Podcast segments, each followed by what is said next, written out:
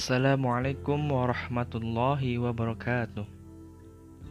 Para pendengar yang budiman, pada kesempatan kali ini kita akan sama-sama belajar mengkaji salah satu kitab yang ditulis oleh Imam Khalid bin Jum'ah al-Kharraj yang berjudul Mawsu'atul Akhlaq. Di dalam kitab ini ada beberapa penjelasan mengenai adab-adab di antaranya adalah adab tilawatul Quran atau adab membaca Al-Quran. Dalam adab membaca Al-Quran ini ada beberapa poin yang mana pertama adalah seorang yang mau membaca Al-Quran dia haruslah mengikhlaskan diri untuk senantiasa mencari ridha Allah Subhanahu wa taala tatkala belajar Al-Qur'an yaitu al-ikhlasu inda ta'allumil Qur'an wa tilawatih. Itu mengikhlaskan diri tatkala belajar Al-Qur'an dan membacanya. Ikhlas dalam pembahasan adab membaca Al-Quran ini merupakan hal yang sangat fundamental, merupakan satu hal yang sangat urgen dan sangatlah penting diperhatikan oleh para pembaca Al-Quran atau orang-orang yang mau bertilawah dengan Al-Quran. Karena ikhlas mempunyai arti secara bahasa itu asfahu wa naqahu min syaubah yaitu menjernihkan diri dan membersihkan diri dari segala macam noda-noda yang mengotori amalan-amalan kita. Maka orang yang ikhlas atau bisa kita sebut mukhlis dialah orang yang mengesahkan Allah secara murni. Dialah orang yang men menyembah Allah Subhanahu wa taala dengan semurni-murninya. Sahabat Al-Qur'an yang mudah-mudahan dirahmati Allah, Kiroah Al-Quran atau membaca Al-Quran adalah bagian dari bentuk ibadah kepada Allah. Dan sebaik-baik pendekatan yang seyogyanya seorang manusia itu bisa lakukan untuk mencari keridhaan dan wajahnya Allah Subhanahu wa taala. Maka ikhlas ini sangatlah penting bagi seseorang dalam menjalankan setiap sendi-sendi amalannya dalam kesehariannya. Jangan sampai seorang kori atau kita dalam membaca Al-Quran lalai dalam menyikapi hal yang sangat penting ini yaitu ikhlas kepada Allah.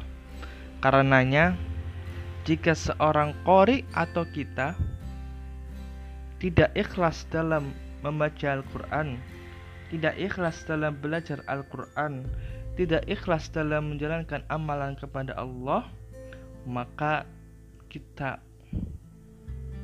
termasuk salah satu orang yang diancam oleh Allah Subhanahu wa taala akan menjadi kayu bakar pertama di nerakanya Allah Subhanahu wa taala kelak. Karena ada salah satu hadis Nabi Shallallahu Alaihi Wasallam yang diriwayatkan oleh sahabat yang mulia yaitu Abu Hurairah radhiyallahu an bahwasanya ada tiga golongan manusia yang Allah Subhanahu wa taala akan pertama kali adili di hari kiamat kelak. Yaitu golongan pertama adalah orang yang mati syahid akan tapi Allah Subhanahu wa taala tolak amalannya. Allah Subhanahu wa taala tidak menerima amalan mati syahidnya dikarenakan ia berperang di jalan Allah hanya ingin disebut sebagai orang yang pemberani. Hanya ingin disebut sebagai orang yang mati syahid hanya ingin disebut sebagai orang pahlawan di jalan Allah dia berjuang di jalan Allah Subhanahu wa taala tidak mencari keriduan Allah. Dia hanya ingin mencari pujian sanjungan terhadap manusia. Ini golongan yang pertama. Golongan yang kedua adalah dalam hadis yang sama bahwasanya ada seorang yang belajar agama mengajarkan ilmu agama serta membaca Al-Quran. Ini pembahasan kita. Lalu orang tersebut didatangkan. Lalu Allah perlihatkan segala nikmat-nikmatnya yang telah Allah berikan kepadanya. Lalu orang tersebut atau seorang qori tersebut mengenali nikmat Allah. Lalu Allah mengatakan Allah mengatakan apa yang telah engkau lakukan dengan nikmatku itu wahai Qori? Maka sang Qori itu menjawab aku telah belajar agamamu ya Allah. Aku telah mengajarkan telah membaca Al-Quran. Maka Allah subhanahu wa ta'ala menimpali dan menyangga engkau dusta engkau bohong. Akan tapi engkau belajar agama supaya engkau disebut orang yang alim engkau membaca Al-Quran mengajarkan Al-Quran supaya engkau disebut seorang qori dan ucapan itu telah engkau lontarkan dan engkau sudah mendapatkan sanjungan tersebut. Engkau sudah mendapatkan pujian tersebut. Maka orang tersebut pun diseret dengan wajahnya lalu dilemparkan ke dalam api neraka yang menyala-nyala. Lalu orang yang ketiga adalah orang yang dianugerahkan segala macam harta oleh Allah. Dia diberikan amanah harta oleh Allah Subhanahu wa taala.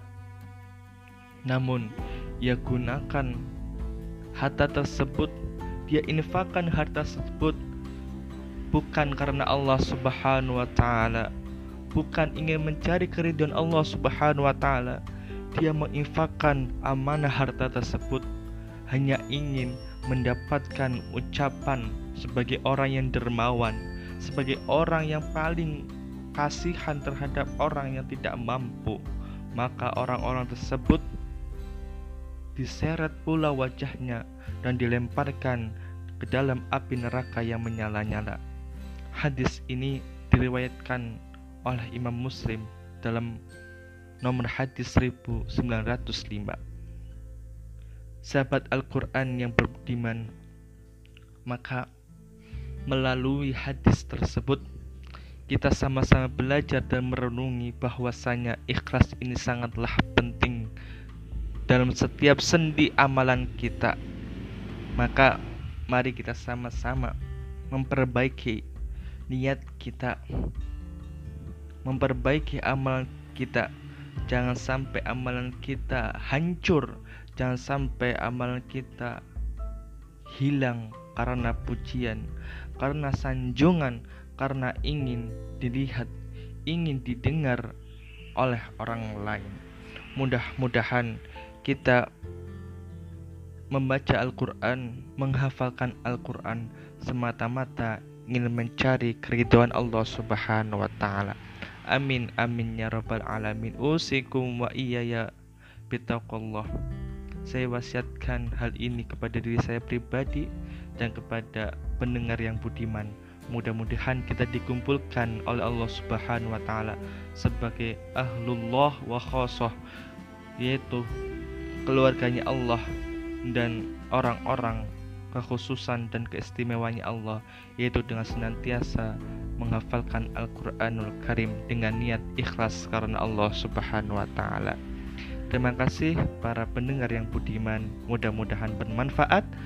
Assalamualaikum warahmatullahi wabarakatuh.